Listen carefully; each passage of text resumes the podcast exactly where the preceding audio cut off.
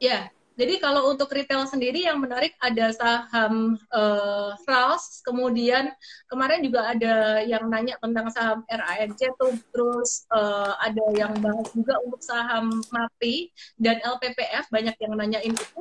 Tapi kalau saya perhatikan untuk uh, middle down-nya seperti yang tadi kita lihat ya dari kondisi makro hmm. yang bakalan pulih itu adalah middle down dulu, golongan menengah ke bawah dulu karena dia dapat stimulus terus dari pemerintah uh, saya lihat Rals masih akan sangat potensial. Dan uh, kalau untuk middle up-nya gimana, range gimana, untuk range market sendiri itu juga masih sangat bagus, cuman likuiditasnya agak-agak kecil di bursa gitu. Nah untuk golongan uh, atasnya gimana? Kalau untuk golongan atas, uh, untuk masyarakat ekonomi atas itu mereka sekarang lebih banyak untuk savingsnya ya. Jadi ketika nanti kondisi perekonomian sudah mulai membaik, pastinya aktivitas untuk pengembangan usaha juga akan berkembang sekali.